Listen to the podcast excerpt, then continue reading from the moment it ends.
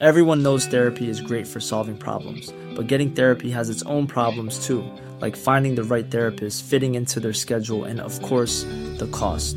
Well, BetterHelp can solve those problems. It's totally online and built around your schedule. It's surprisingly affordable too.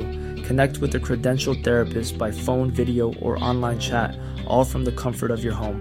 Visit betterhelp.com to learn more and save 10% on your first month. That's BetterHelp, H E L P. One size fits all seemed like a good idea for clothes Nice dress. Uh, it's a it's a t-shirt. until you tried it on. Same goes for your healthcare.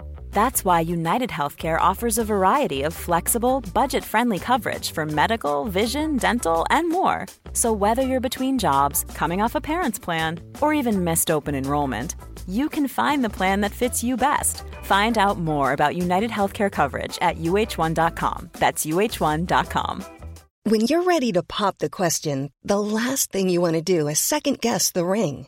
At Bluenile.com, you can design a one of a kind ring with the ease and convenience of shopping online. Choose your diamond and setting. When you find the one, you'll get it delivered right to your door. Go to Bluenile.com and use promo code LISTEN to get $50 off your purchase of $500 or more. That's code LISTEN at Bluenile.com for $50 off your purchase. Bluenile.com code LISTEN. Gjenklang.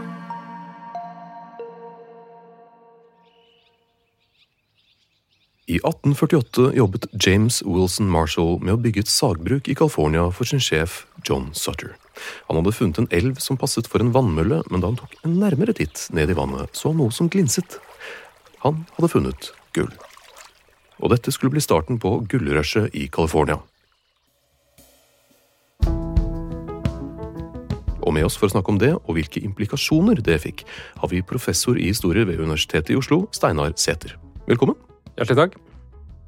Dette skjedde i California, som i 1848 akkurat hadde blitt USAs territorie. Hvordan funket dette? Ja, det er jo egentlig California befant seg i en slags limbosituasjon akkurat i 1848. Det er egentlig litt komplisert, men eh, California hadde inntil 1846 vært en del av Mexico. Mm. Uh, og så hadde det blitt uh, erklært Det var noen separatister her i nordlige delen av California som erklærte California for å være en egen republikk. Og de fikk tegnet sitt eget flagg, blant annet, med en stor bjørn på. Ja. Og Det er fortsatt flagget, er det ikke det? jo, det er fortsatt en bjørn på det flagget. Ja. Og visstnok så er det en mulighet for at det var en norsk sjømann som tegnet den bjørnen. Ja, altså, men, men poenget er da at eh, den republikken var veldig kortvarig. Okay. Og eh, dette ledet fram til, eller var en del av, den meksikansk-amerikanske krigen, eh, som varte mellom 1846 og 1848. Og så eh, ble, lå det i kortene at eh, California skulle bli innlemmet i USA. Men det ble det faktisk ikke som en egen stat før i 1850. Mm. Så da gullet ble funnet, så var dette et sånn juridisk limboland. Det var egentlig litt uklart eh, hvem som hadde overherredømme i denne delen av eh, California. Hvem bodde her da? Ja, altså de eh, Dette var jo et sånn Sett i forhold til resten av Mexico, så var dette et ganske tynt befolket område. Eh, det var i første rekke eh, urbefolkning, altså ulike indianergrupper som holdt til i, i California.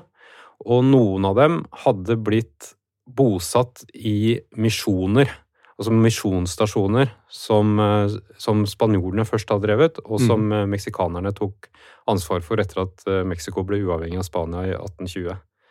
Så eh, det fantes eh, eh, ulike indianergrupper. Noen av dem var da under eh, meksikansk styre. Mm. Og så fantes de, de såkalte californios, altså de som var meksikanske borgere, men født i, i California. Okay. De ble kalt for Californios, Californios, og de var spansktalende. Så det var de som i hovedsak bodde i California på den tida. Men så var det jo allerede kommet en del eh, engelsktalende og andre tilflyttere til California, også litt før dette gullrushet. Men ø, disse Californios, var de da De var også for ø, å, å løsrive seg fra Mexico, eller? Noen av dem. Ok. Eh, noen av dem var for det eh, i, eh, på midten av 1840-tallet. Mm. men slett ikke alle. Og en del av de som var for eh, eh, å bryte ut i, på 1840-tallet, eh, angret det bittert eh, noen tiår seinere. Ja. Så dette er en betent historie, egentlig. Mm. Eh, Du nevnte at det var eh, tynt, relativt tynt befolket. Mm. Men eh, det skulle komme fryktelig mange for å lete etter gull. Ja. Hvordan fikk folk vite om dette her? Altså Hadde jeg funnet gull, så hadde jeg holdt munn så lenge som mulig. Eh, Ja, eh, men jeg tror dette er en sånn type nyhet som eh, det er fryktelig vanskelig å holde hemmelig. Så det, det spredde seg ganske raskt, den nyheten om at det var funnet gull. Um, og, men den, men eh, California var jo på den tiden veldig langt utenfor allfarvei, Ja. for å si det mildt. Så det spredte seg først til, til eh, Mexico, selvfølgelig, okay. men også til, til Hawaii og eh, nedover kysten av Sør-Amerika, altså mot Chile, og til Kina. Så det spredte seg på en måte utover Stillehavet før det nådde østkysten av USA og eh, Europa. Så de første migrantene, de første eh, gullgraverne, de som kom fra utenfor California, de kom fra Hawaii og Mexico, Chile og Kina. Var dette det, var dette det første gullrushet i USA? Eh, nei, det er det faktisk ikke. Eh, det, det hadde vært et tidligere gullrush eh, på slutten av 1700-tallet. Nå husker jeg ikke i farten akkurat hvor det var, men, eh, men det, det var mye mindre i omfang. Ja. Det, var ikke, det var ikke helt, en helt ny greie? Nei, nei, nei, det er, det er jo ikke det. Altså, det, det, man kjenner jo til tidligere eksempler fra historien om at når man finner edelmetaller, gull og sølv, så tiltrekker det seg mennesker. Kongsberg er et godt norsk eksempel på det. Mm, Ikke sant? Ja, Ja, mm. Godt poeng. Eh, Marshalls oppdagelse skulle jo føre til, eh, som vi kommer til, en stor tilstrømming av folk. Hvor mange snakker vi om? Ja, altså i løpet av, i løpet av det, de ti første årene, altså fram til 1860, så gikk denne nordlige delen av California fra altså å være kanskje 1000-1500 mennesker som var folketelt, folketelt, til å bli flere hundre tusen. Så det, det er en eksplosjonsartet befolkningsvekst. befolkningsvekst. Men at, hvordan, altså Infrastrukturen er, kan jo ikke ha vært eh, til stede for så mange mennesker. Hvordan fungerte dette? Uh, nei, altså dette er jo ganske kaotisk sånn sett, da. Uh, det, det, det var jo ikke Dette er jo alt annet enn en planlagt uh, migrasjon. Så det var jo bare at folk dukket opp med mm, i skip. Og skipene ble i stor grad forlatt, i hvert fall de første årene, på, i, i, eh, i bukta ut, utenfor San Francisco. Og så fant eh, folk veien til disse eh, elvene og bekkene og ravinene i, eh, i fjellsidene opp mot eh, Sierra Nevada-fjellene. Og eh, litt eh, kort, det er jo det San Francisco, og disse båtene som ble forlatt. De, mm. Var det ikke sånn at San Francisco ble delvis bygd av resten av disse skipene? Jo, det, det var nok sånn til å begynne med, i hvert fall. Eller legende? Ja, ja, nei, det, det, det stemmer nok det, at eh, en del av de skipsvrakene ble ja, Tømmeret fra dem ble brukt til å bygge de første bygningene. Men det tok ikke lang tid før San Francisco faktisk var en ganske stor by. Så det, det, de skipsvrakene kan ikke ha monnet så mye. Nei, sant. Hvor kom disse folkene fra? Du, du har nevnt eh, eh, Hawaii og Mexico og, men, uh, før det kom fra østkysten. Men ja, hvor var dette internasjonalt? Ja, dette var ganske Dette var jo en, et, nesten et globalt fenomen. Så, så de um, I tillegg til å komme fra Mexico og Chile, Hawaii, Kina, så kommer det ganske raskt eh, folk fra det som da var USA. Og nå må vi liksom holde eh, tunga rett i munnen, er, vi er- befinner oss da i 1849-1850. Og de opprinnelige 13 koloniene har allerede ekspandert og blitt flere. Mm. Men den nærmeste staten i USA på dette tidspunktet, det er uh, Missouri. okay, Ikke sant? Uh, og Texas blir jo innlemmet i USA omtrent på samme tid. Ja. Så det er, det er på en måte langt fra det, det som da er de vestligste delene av USA til California. Mm. Um, og, eh, men allikevel, altså i løpet av 1850-tallet, de, de, den eh, største andelen av folk som blir folketelt i i 1860, de er født i andre amerikanske delstater. Okay. Og så er det fra Europa, og det er spesielt fra de tysktalende områdene i Europa. Dette er jo liksom før samlingen av Tyskland. Det er fra Irland, eh, det er fra Frankrike, fra England og også en del eh, skandinaver. Mm. Også fra Norge. Også fra Norge. Det er ca. 1000 eh, norskfødte i California i 1860. Det er ganske kult. Ja. Artig. Eh, altså, ja, dette er jo vanvittig mange mennesker, og USA er stort. Mm.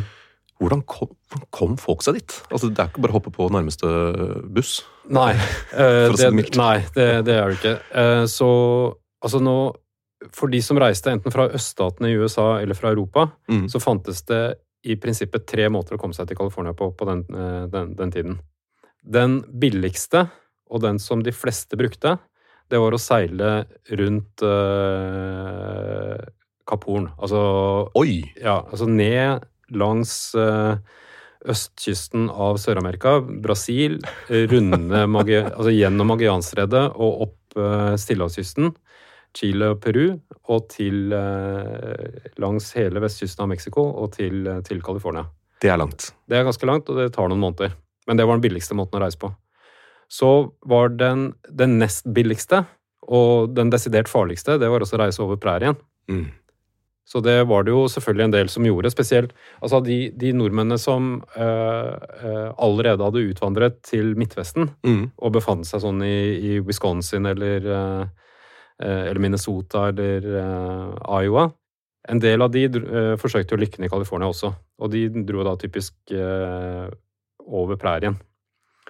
Den antagelig, altså den dyreste og mest komfortable måten og raskeste måten å reise på, det var også å reise med skip eh, til, til eh, Chagres, som er på Atlanterhavssiden av Panama.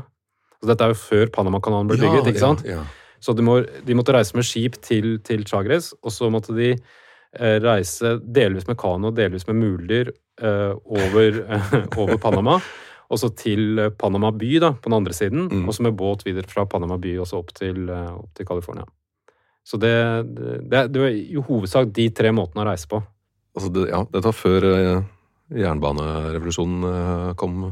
Ja, det er, det er jo det, men, men altså det, det, er jo en veldig interessant sammenheng mellom gullrushet og, og jernbaneutbygging. Mm. Fordi altså det, var jo ikke sånn at jernbaneutbyggingen begynte med gullrushet, men det at det plutselig var så utrolig mange mennesker som eh, hadde lyst til å komme seg til California, og dessuten like etterpå at det var så mye store verdier som skulle transporteres på en tryggest mulig måte fra California til andre steder av, eh, av verden, det gjorde at eh, si, etterspørselen Ja. etter jernbane da, ble, ble veldig mye større.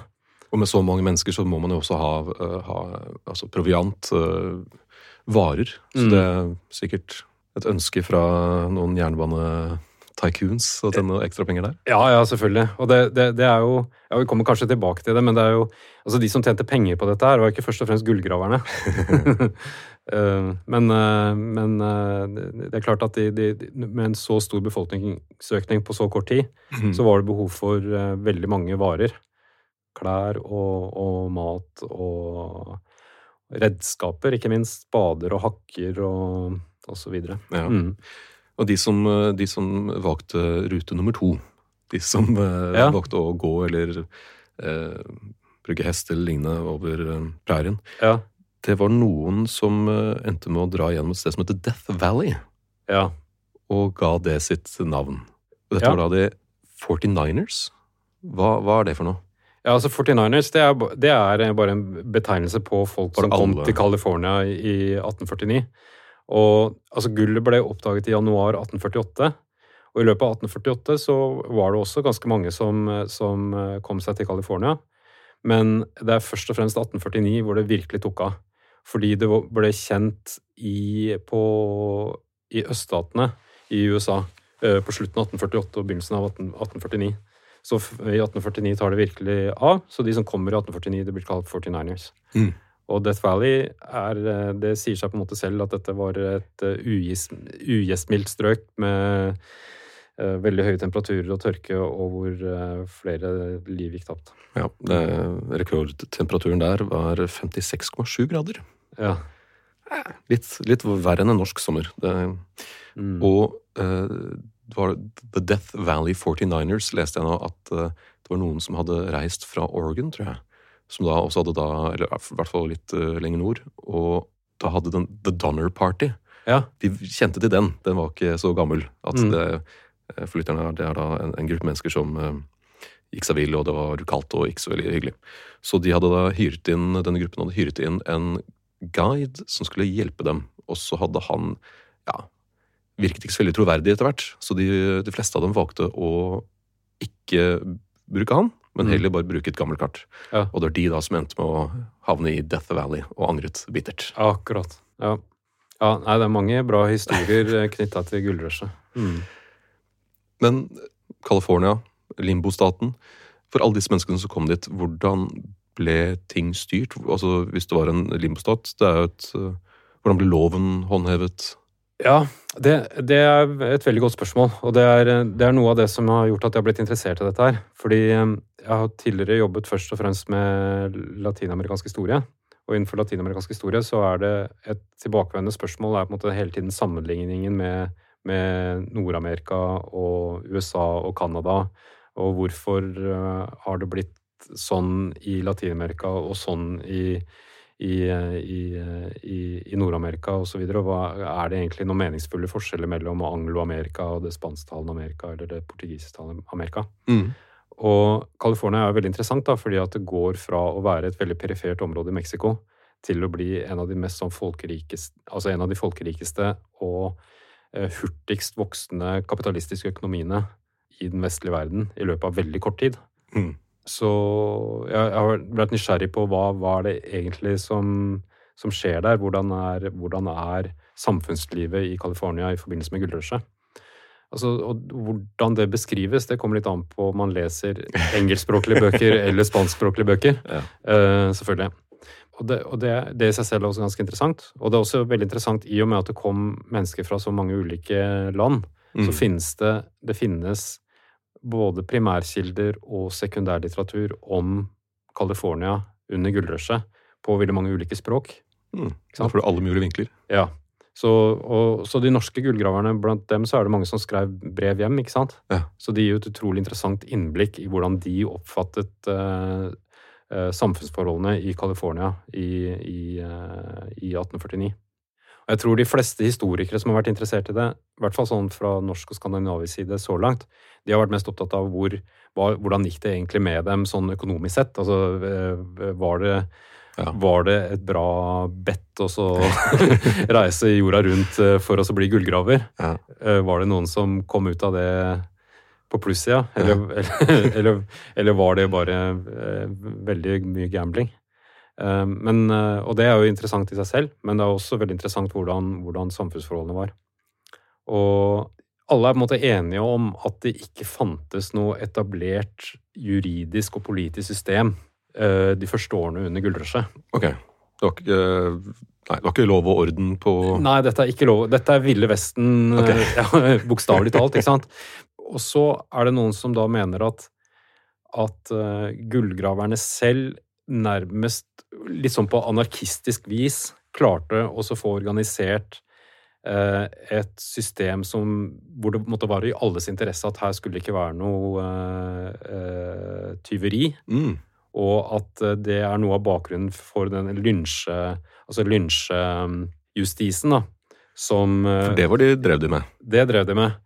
Og det er noen veldig interessante beskrivelser av mer sånn folkedomstoler. Så hva som Hvordan, hvordan folk som ble anklaget for, for eh, tyveri eller, eller, uh, eller mord, hvordan det ble håndtert i folkedomstoler i California på slutten av 40-tallet og begynnelsen av 50-tallet. Hm. Så det, det, dette er jo en form for Altså, dette er jo en form for uh, justis som, ikke, som vi ikke liksom tenker på som veldig som en, som en modell for hvordan moderne samfunn burde organiseres. Nei. Men når man leser i hvert fall en del av de norske brevene, de, de tyder på at de norske gullgraverne stort sett følte seg ganske trygge. Oh, ja. Men så er det jo at dette antageligvis eh, har opplevdes veldig ulikt uh, ut fra hvilken etnisitet eller hvilken etnisk gruppe man tilhørte. Og det, det, dette er nok et, eh, et system som uh, i veldig stor grad favoriserte de engelsktalende hvite uh, gullgraverne. Som mye annet på den tiden. Ja, og så hvor, hvor meksikanere og kinesere og, og, og, svarte kom veldig dårlig ut, da. Mm. La oss si du kommer fra et uh, europeisk land, om det er Norge eller Tyskland, eller altså det var pre-Tyskland, men allikevel en av de tyske statene. Mm. Det er jo ikke sånn du er vant til loven håndheves, eller altså, at samfunnet styres. Mm. Men allikevel så var, var, det, det var ok-ish, så lenge det ikke var dem selv som ble Altså, som sagt, dette er, dette er, det er på en måte det jeg er interessert i å finne ja. ut mer om. Så jeg skal ikke være så veldig bastant i konklusjonene ennå. Men mitt inntrykk er at for det første så er det jo mange av de nordmennene som drar dit, som er, altså de er eventyrere. Ja. Det, er, de er jo i utgangspunktet de er, de, Dette er personer som er villige til å måtte satse alt da, ja. på å reise jorda rundt og kanskje finne gull. Så det, det, de, de, er jo ikke liksom, de er jo ikke trygghetssøkende individer, de, de, folka som drar dit, i utgangspunktet. Eh, og så må man huske på at det, det samfunnet de reiser fra, er jo heller ikke si, et egalitært demokratisk idealsamfunn. Norge eh, på slutten av 1840-tallet er fortsatt et ekstremt klassesamfunn. Hvor, eh, og de, de, fleste av disse gullgraverne tilhører ikke uh, norske elitefamilier, for Nei. å si det sånn. Så de, de, de, de er måte, frihetssøkende med kanskje litt sånn anarkistiske eventyrtendenser um, i utgangspunktet. Mm. Og er ikke nødvendigvis de som har mest respekt eller anerkjennelse for, uh, for øvrigheten, da. Mm. Så eh, ja, det, er noe med, noe med, det også som kanskje farger deres um, Måten de beskriver California på. Mm. Mm. Og de ulike, de ulike folkeslagene eller etnisitetene, eller ja, de ulike som kom, ja jeg leste det at kinesere og meksikanere måtte betale en tilleggsskatt hvis de skulle drive med ja. gullgraving. Og dette er, dette er, noe av det som eh, altså I utgangspunktet er, er, det sånn at eh, den grunnloven Altså det, det, blir laget en egen konstitusjon for California. Altså hver, hver, hver, delstat i USA hadde sin egen, mm. egen konstitusjon. Og den, den første eh, konstitusjonen fra California 1850 den stipulerte at de som var eh, innbyggere av California, mm. de skulle kunne ha rett til å eh, grave gull uten å betale skatt, men at utlendinger måtte det. Men det er jo da fortsatt litt uklart hvem utlendinger egentlig var. Ja. Altså hva, hva, skulle til for å uh, Altså hvem var egentlig utlendinger i California i 1850? Det, det er jo også et slags sånn juridisk limbo, ikke sant? Ja, og Men, hvem, er, hvem, er, innbyggerne i et fullstendig nytt, ny delstat? Ja, og hvor 95 eh, av uh, av de som er der, har nettopp kommet hit. Ja. ja. Så det er, det, er, det er, klart at det, det, det eh, og, de som da på en måte kunne bestemme hvem som faktisk skulle betale, betale skatt, mm. det var jo de som på en måte dominerte i de lokale eh, gruvebyene. Eller det er nesten litt misvisende å kalle det for gruvebyer, fordi veldig mye av denne eh, gullgravingen foregikk egentlig i elveleier og ikke spesielt dypt. Altså det er ikke gruver på den, på den måten som vi tenker på eh, sølvgruver i Kongsberg eller ja. Røros osv. For det er, det er ganske, på overflaten en ganske billig, billig form for, for eh, for uh, graving, eller, eller uh, Sånn silting, eller hva het det? Ja, det var sånn de, sånn de gjorde til å begynne med. Og så etter hvert så var det et sånt hydraulisk system, så de brukte mye vannkraft for, å for å få uh, silt igjennom veldig mye av den det jorda og slammet i, i, i elveløpene. Hmm. Ja. Men nå Dette var en digresjon. En ja. digresjon, tror jeg. ja, altså um Why don't more infant formula companies use organic, grass fed whole milk instead of skim? Why don't more infant formula companies use the latest breast milk science? Why don't more infant formula companies run their own clinical trials? Why don't more infant formula companies use more of the proteins found in breast milk? Why don't more infant formula companies have their own factories instead of outsourcing their manufacturing? We wondered the same thing. So we made ByHeart, a better formula for formula. Learn more at byheart.com. Cool fact a crocodile can't stick out its tongue. Also, you can get health insurance for a month or just under a year in some states. United Healthcare short term insurance plans, underwritten by Golden Rule Insurance Company, offer flexible, budget friendly coverage for you. Learn more at uh1.com. Millions of people have lost weight with personalized plans from Noom, like Evan, who can't stand salads and still lost 50 pounds. Salads, generally, for most people, are the easy button, right? For me, that wasn't an option. I never really was a salad guy. That's just not who I am. But Noom worked for me. Get your personalized plan today at Noom.com. Real Noom user compensated to provide their story. In four weeks, the typical Noom user can expect to lose one to two pounds per week. Individual results may vary. Mm. Egentlig hvordan de som ikke var innbyggere, ble behandlet. Ja. Ja, og det, her, det, dette, er, eh, dette er jo eh, noe av det som eh, er litt interessert i å se mer på.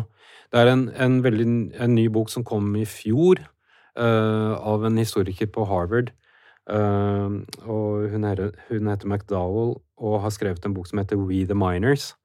Og den handler om si, sånn lokalt, eh, lokalt styre i, i, disse gullgravingsområdene det, på 1850-tallet. Er det Fra We the Revolution?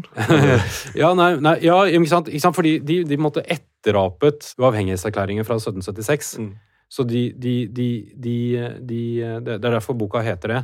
Og det, det handler om måtte, hvordan mer sånn spontant organiserte eh, lokale domstoler eh, sørget for en slags form for lov og orden i, i disse eh, gullgraverområdene. Men det hun også påstår, da, det, at dette fungerte på sett og vis overraskende bra. At det, det, det er en slags sånn demokratisk Hun mener at det fin, finnes en slags sånn demokratisk og parlamentarisk i betydningen eh, en, en, en, tradisjon for parlamentarisk prosedyre som eh, gullgraverne brakte med seg fra de østlige delene av USA og fra, fra Storbritannia. Mm. Og som gjorde at de, de, hadde på en måte en vane for hvordan de skulle eh, gjennomføre eh, store rådsmøter. Hvor alle som var til stede, kunne delta. Og alle, prinsippet var at alle skulle få sagt sitt. Mm. Og så skulle, man, skulle noen velges til eh, eh, ordfører altså ordfører bokstavelig talt, da, ja. som eh, ledet eh, saksbehandlingen, og som skulle la alle få snakke minst én gang før en fikk snakke to, og at enhver person da kunne legge fram et forslag som det skulle stemmes over. Og det, det ble da stemt over eh, etter simpelt flertall, så det, de, de, forslagene som ble fremmet og, og, og som fikk simpelt flertall, de gikk gjennom. Hmm. Men det var da et system som på sett og vis er sånn demokratisk og eh, ideelt, men som samtidig førte at eh, veldig mange av de som ikke var engelsktalende, var ganske utsatt for å bli, uh, bli veldig hardt dømt. Fordi også dette pågikk på engelsk? Dette foregikk på engelsk, i hvert fall ja. i de delene av California hvor de engelsktalende var i flertall. Ja. Men det, vi må også huske på at det, det var på 1850-tallet så var det også uh, gullgraverområder hvor uh, de spansktallene var dominerende. Og der opprettholdt man et slags sånn meksikansk alcaldesystem. Mm. Uh, så, så, der fungerte nok justisen på en litt annen måte. Mm. For våre lyttere, hva, er det? Alcalde? Ja. Dette er et, et system som egentlig spanjolene brakte med seg over på 1500- og 1600-tallet til de spanske koloniene i Amerika. Mm og som går ut på at, de, eh, at eh, i de områdene som, eh, hvor man hadde byer, så ble det årlig foretatt valg blant los vecinos, altså de, de, som, de, de ledende innbyggerne i byen. Og hvor, avhengig av byens størrelse, så ble, valgt, ble folk valgt til ulike verv. Og noen ble da valgt til å være alcaldes, og de hadde ansvaret for å opprettholde lov og orden, egentlig. Mm. Og hadde ganske vide fullmakter. Uh, så de, de, de, de, var på en måte en slags sånn blanding av politi og dommere. Uh, Oi, dette, høres dette veldig Ville Vesten ut. Uh, nei, det er jo ja, egentlig ikke det. Men altså, dette er jo på en måte et system som, som er fra før maktfordelingsprinsippet til, til Montesquieu. Montesquieu. Ja men det, det, det, var et system som de spansktalende kjente til. ikke sant? Og de kjente til det uansett om de kom fra Mexico eller Chile eller fra andre spansktalende områder. Mm. Så det, det, det kunne de få til å fungere der. Så det var en miks mellom de to uh, måtene å Ja, så, ikke sant? så det, det er jo ja, igjen av juridisk limboland. Ikke sant? Eh, eh, så det, det, noe av det som jeg er veldig nysgjerrig på, det er hvordan disse skandinaviske gullgraverne hvordan de fant, fant seg til rette her. Mm. For det er jo også eh, Det vi også må huske på, det er at veldig mange av de skandinavene som, som utvandra til Amerika på 1800-tallet, og i hvert fall på denne tiden, de kunne lite eller ingenting engelsk. Ja. Så, så det, det, det var ikke sånn at de, de naturlig graviterte mot de engelsktalende eh, gruppene nødvendigvis. Nei. Nei. Ja, det er interessant. Men hvordan, uh, hvordan uh, gikk det for urinnvånerne? Ja, det, dette er ikke et uh, lyst kapittel for, uh, for urbefolkningen i California. Ut fra det vi vet, så er det jo delvis at de blir utsatt for uh, utrenskninger eller massemord av gullgravere. Wow. Og delvis at de bare blir presset vekk fra de områdene som de, som de fortsatt uh, hadde kontroll på. Så ikke sant, det, det, dette er uh, Ja, dette er tragisk. Nok et mørkt kapittel. Ja, ja, ja, det- dette er eh, veldig mørkt. Så de var ikke særlig aktive som uh, gullgravere selv, i hvert fall. Eller Det kan Jeg skal ikke utelukke det, men eh, eh, jeg tror det er noe som man i så fall ikke veit så veldig mye om. Det er ikke det som er på en måte hovedfortellingen her når det gjelder urbefolkningen i California på 1850- og 60-tallet. Nei. Hvor mye gull var det snakk om? Altså at så mange mennesker skal uh, Flere hundre tusen? Ja. Eh, altså, dette vet man litt sånn indirekte om, et, etter hvordan jeg har forstått det. Ok. Fordi det er klart at hvis, hvis du var gullgraver eh, i, i California i, i 1850, så vil du av mange grunner ikke rope så veldig høyt om akkurat hvor mye gull du hadde funnet, tror jeg. Eh, poeng. ja. Så, så det gjør at det, er, det, er, det ble ikke registrert sånn veldig direkte. Og dette er jo så mange mennesker som var involvert i det. Det var ikke sånn at det var noen få korporasjoner som, som hadde kon kontroll på det. Så, uh, så det, det, det gjør at man vet om det mer sånn indirekte. Så det, det, det dreier seg mer om hvor, hvordan finansutviklingen var eh, globalt på verdensmarkedet, og hvordan det ble påvirket av gull. Og hvordan verdien på andre varer endre seg som følge av at, eh, av at det ble mer gull.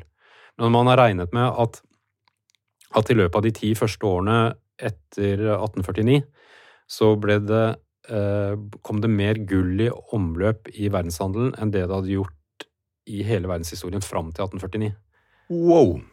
Så ikke sant, det, det, det øker helt sånn ekstremt mye. Eh, Det er noen som har påstått at det var snakk om at man, at man liksom fram til 1840-tallet hadde eh, Så var det ikke mer enn eh, noen få kubikkmeter med, eh, med gull som egentlig var i, var i omløp. Og i løpet av noen år så var man oppe i flere hundre kubikkmeter. Så det, det, Så det var ekstreme mengder, egentlig. ja, det er ganske store mengder. Og, og det, men det, det, det, det kommer ikke bare av California. Men det blir også oppdaget gull i Victoria i Australia i 1851. Aha. Så det er, eh, det er mye gull derfra. Og så eh, kommer det i tillegg flere andre gullfunn i Sør-Afrika, i Transvaal, Ja. og andre steder i, eh, i De forente stater seinere på 1800-tallet. 1800-tallet var gullårhundret. det. Ja, dette er, altså, eh, dette er jo eh, Altså, man går på en måte fra sølv, sølvalderen til gullalderen. Eh, Fordi liksom, fram, til, fram til 1849 da, så har sølvet vært ekstremt viktig sånn for, i, i verdenshandelen. Mm. Og det har også sammenheng med forekomster av edelmetaller i, i, på det amerikanske kontinent. Men det er jo i Potosi, altså i dagens Bolivia, Mm. Så ble det funnet eh, en enorme mengder med sølv eh, på midten av 1500-tallet. Ja, konkvistadorene som Ja. Ja, og likeledes i Mexico. Sånn at fra midten av 1500-tallet og fram til godt stykke ut Altså fram til 1820, da, når Spania mister sine kolonier, Mm. så er det eh, Så er så er det sølvet som som på en måte er selve den globale eh, globale valutaen. Det var ikke gullstandarden, det var sølvstandarden. Ja, og, det, og, og eh, altså grunnen til at det heter dollar ikke sant? Det er sølvdollaren. Det, er da, det er, heter daler på norsk, spesidaler. Mm. Men det er jo den samme som Altså, det, det, det heter eh, dollar fordi eh, det er basert på en tysk mynt på slutten av 1400-tallet som het Joachimsthaler. Mhm. Det Ja. er jo fra den tyske lille gruvebyen Thaler. Ja. Så det er liksom, synes jeg er gøy. ja. Det er veldig artig. Ting henger sammen. Thaler, Ja. spesidaler, dollar. Ja. Men eh, når de fant så mye sølv i eh, øvre Peru og Mexico, så, lagde, så, så, så fikk eh, Så preget eh, spanjolene en mynt som het eh, el, el peso. Mm. Og det er denne sølvpesoen som på en måte blir standarden for, eh, for de store myntene gjennom eh, 15-, 16-, 17- og begynnelsen av 1800-tallet. Og, eh, og det gjelder overalt. Altså, det er ikke bare den norske spesidaleren, men det er den amerikanske dollaren som har meksikansk sølv, eh, den spanske pesoen, men også eh, de kinesiske og japanske myndighetene er, er, har akkurat like mye sølv. Altså det er 28 gram sølv oh, ja. i, disse, i disse myntene. Huh. Så det er en, helt sånn utrolig eh, globalisering av, av handelsmønsteret tidlig. Men så, det som da En av de store effektene av gullrushet i California og gullrushet i Victoria, det er at eh, gull begynner å ta over for sølv som eh, eh, Altså sikkerhet for, for valutaene. Ja. Og det er jo Storbritannia som, som eh, først etablerer en gullstandard for pundet. Og så tar det noen tiår, men som fra 1870-tallet så går både Frankrike og eh, Tyskland også over til gullstandard.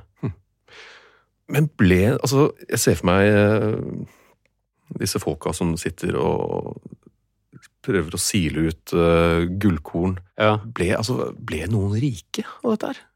Ja, altså Noen ble rike, og noen ble fryktelig rike. Øh, Og hadde det ikke vært sånn, så hadde ikke så mange andre fulgt i deres fotspor. Nei. Men det var nok en stor fordel å være tidlig ute.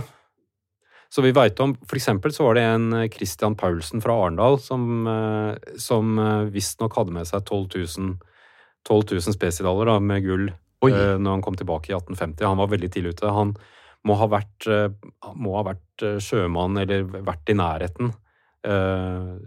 Så, så, og nyheten om Christian Paulsen fra Arendal som, eh, som kom tilbake med 12 000 spesidaler, den spredte seg veldig fort i Norge. Så det, det, det var mange som eh, reiste ut for å, for å prøve å kopiere han. da. Mm.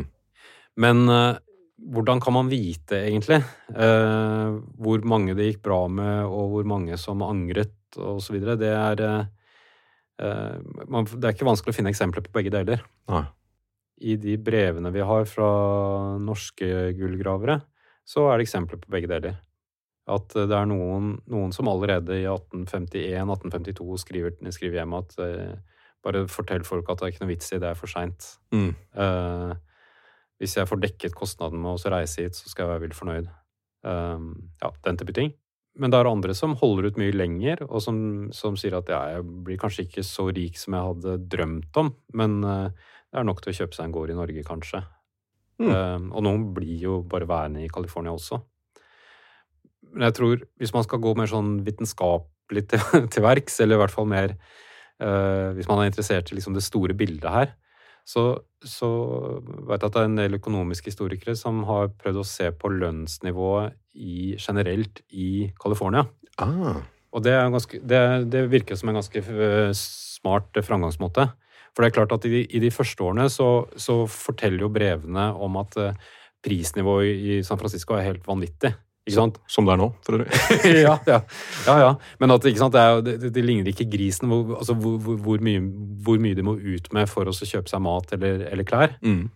Og at, eh, at det egentlig ikke er nødvendig å dra videre fra San Francisco inn til gullgraverområdene, fordi du kan tjene veldig mye bare som en vanlig altså Hvis du bare får tak i en, en lønn, lønnet jobb i San Francisco, så, så kan du allikevel tjene veldig mye mer enn det man kan andre steder i verden på samme tid. Ja. Ikke sant? Så, så det, er, det er noe med at de, i, i, løp, i, i de, de par første årene så er, er det en pris- og lønnseksplosjon i, i San Francisco som, som måtte, må reflektere det at det plutselig var veldig mye gull i omløp. Mm.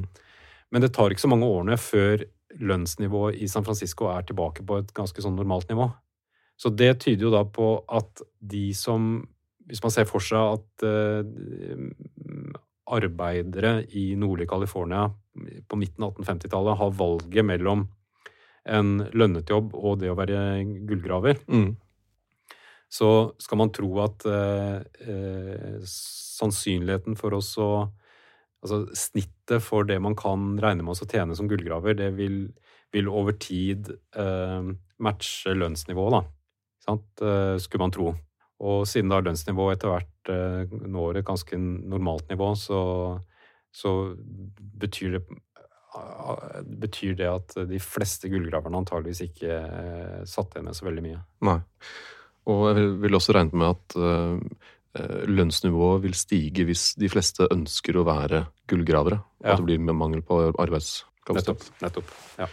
Så det er noen sånne interessante mekanismer der. Ja, også Som du nevnte tidligere, så vil eh, vi jo kanskje tro at de som tjente mest på dette her, var de som solgte ting til Ja. de som var der. Ja, og der er det, det er jo det, eh, Innenfor det så er det jo mange morsomme eksempler. Og, og noen veldig kjente eksempler. Levi Strauss, for eksempel. Altså Ja. Levis buksa. Levi Strauss var en, eh, var en handelsmann som etablerte seg i San Francisco i 1853-1854, og som solgte eh, veldig mye forskjellig. Um, Ikke bare bukser. Nei, han, altså selve de buksene de, det, det, det hadde vært en bedre historie om de buksene hadde kommet tidlig på 1850-tallet. Så vi liksom kunne se for oss gullgravere i 501. Men det, det stemmer ikke helt, da. Eh, De, selve, selve de buksene ble ikke designet før eh, 1870. Men, eh, men Levi, Levi Strauss eh, eh, drev butikk i, i San Francisco fra 1853 og solgte eh, annet telt. Mm. Så det, det stoffet, altså denim, Mm. som finnes i, i, eh, i olabukser, det, det, det var et stoff som, som annet ble brukt til å lage telt i den perioden. Mm. Og så er det jo det her Wells Fargo. Ja. Eh, altså de som, de som drev med transport av penger, de, de hadde gode tider på 1850-1860-tallet. Så eh, ja, det er et annet eksempel. Og selvfølgelig jernbanefolka. ja. Men også øh, det var ganske mange det, det må vi huske på at f.eks. i Norge fortsatt på 1850-tallet så var jo en overveiende majoriteten av befolkningen var jo fortsatt, var jo fortsatt bønder eller var vant til å dyrke jorda. Mm. Så, øh, og, det, og California egner seg veldig godt for øh, matproduksjon. Mm. Så det var mange som fant ut ganske fort at det var egentlig mer lønnsomt å eh, finne seg jord eh, enn å grave etter gull. Men den eh, Altså, jorda var lett tilgjengelig de første årene, og så gikk, ble den etter hvert veldig kostbar, da. Så, og konsentrert på noen ganske få hender. Mm. Så, så det var også en mulighet som først og fremst var åpen noen få år. Ja. Så har vi noen eh, norske eksempler. Eh, så en av de mest kjente er en som heter Peder Sæther, som var bankmann, og som kom til, eh, kom til California på midten av 1850-tallet. Og han det, Altså, det er litt uklart for meg hvor mye penger han egentlig tjente, men han Det er ikke sikkert at han ble så s- steinrik, egentlig, men han donerte eh, veldig store deler av rikdommen sin til, eh, til eh, Berkeley. Altså Så universitetet i, San, ja, i San Francisco. Så det er eh, Den dag i dag så har man The Sater Gate og Oi. The Sater eh, eh, Center ved, ved Berkeley. Og det er basert på noen av de donasjonene som han ga på slutten av 1800-tallet. Det er interessant. Og så var det en annen, et annet kjent eksempel som, ofte, som det ofte blir eh, referert til, er, eh, er en som het eh, Johan Gunerius Nordtvedt fra Trøndelag. Som lagde Gunerius-senteret i Oslo. Ja, det, det Jeg tror ikke det. Jeg tror ikke det er det. Men han var skipsbygger. Så han etablerte seg som, som skipsbygger Altså han endra navn, da. Til, fra Johan Gunerius Nordtvedt til John G. North. Mm. Men eh, så som John G. North så, eh, så etablerte han et av de største, største liksom, skipsverftene i ja, Dette var vel ikke akkurat i San Francisco, jeg tror det var i Sacramento, men jeg, eh, ja, i hvert fall i nordlige deler av California. Så han, øh, han gjorde det bra. Hvordan endret, eller Hvilken effekt hadde denne, dette gullrushet på på California, eller ja, USA? Ja, Vi har jo vært innom en del av, av hvilken effekt det hadde på California. Fordi, altså For det første så er det jo en, liksom en helt sånn eh, omkalfatring demografisk sett av innbyggere og befolkning. Mm. Og det er jo en vanvittig økonomisk eh, vekst og utvikling som skjer i California de, de neste tiårene etter 1849. Men kanskje noe av det mest dramatiske er jo at, at dette er på en måte starten på at, at man får en slags sånn forflytning av økonomiske tyngdepunkt i retning Stillehavet og Asia. Eller tilbake til Stillehavet og Asia, kanskje. Bare østkysten lenger? Nei.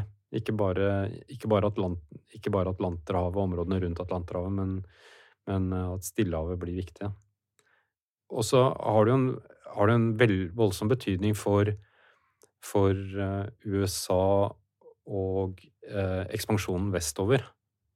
Fordi selv om det allerede hadde vært en betydelig ekspansjon vestover fra de opprinnelige 13, 13 koloniene som rev seg løs fra Storbritannia i 1776, mm. så, eh, så det Så fikk jo dette plutselig en enormt mye større fart. Fordi man skulle koble sammen eh, områdene som var fra, fra Mississippi og så helt, eh, helt til Stillehavskysten. Disse ble jo kalt uh, som sa 49ers. Mm. Og har, San Francisco har jo et amerikansk fotballag. Mm. San Francisco 49ers.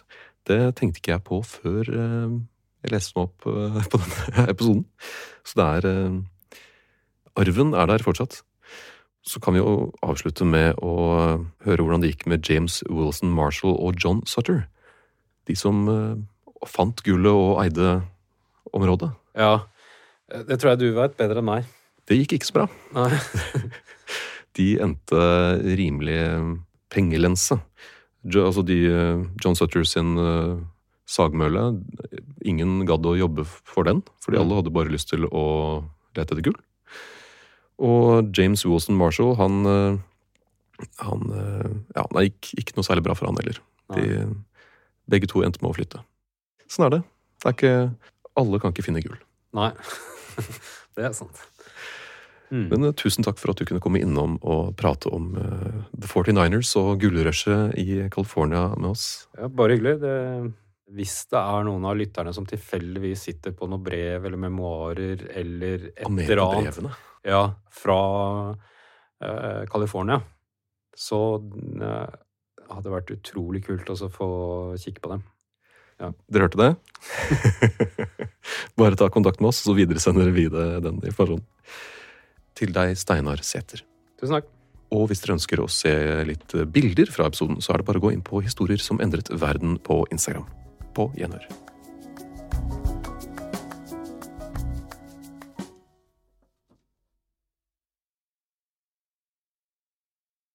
Gjenklang.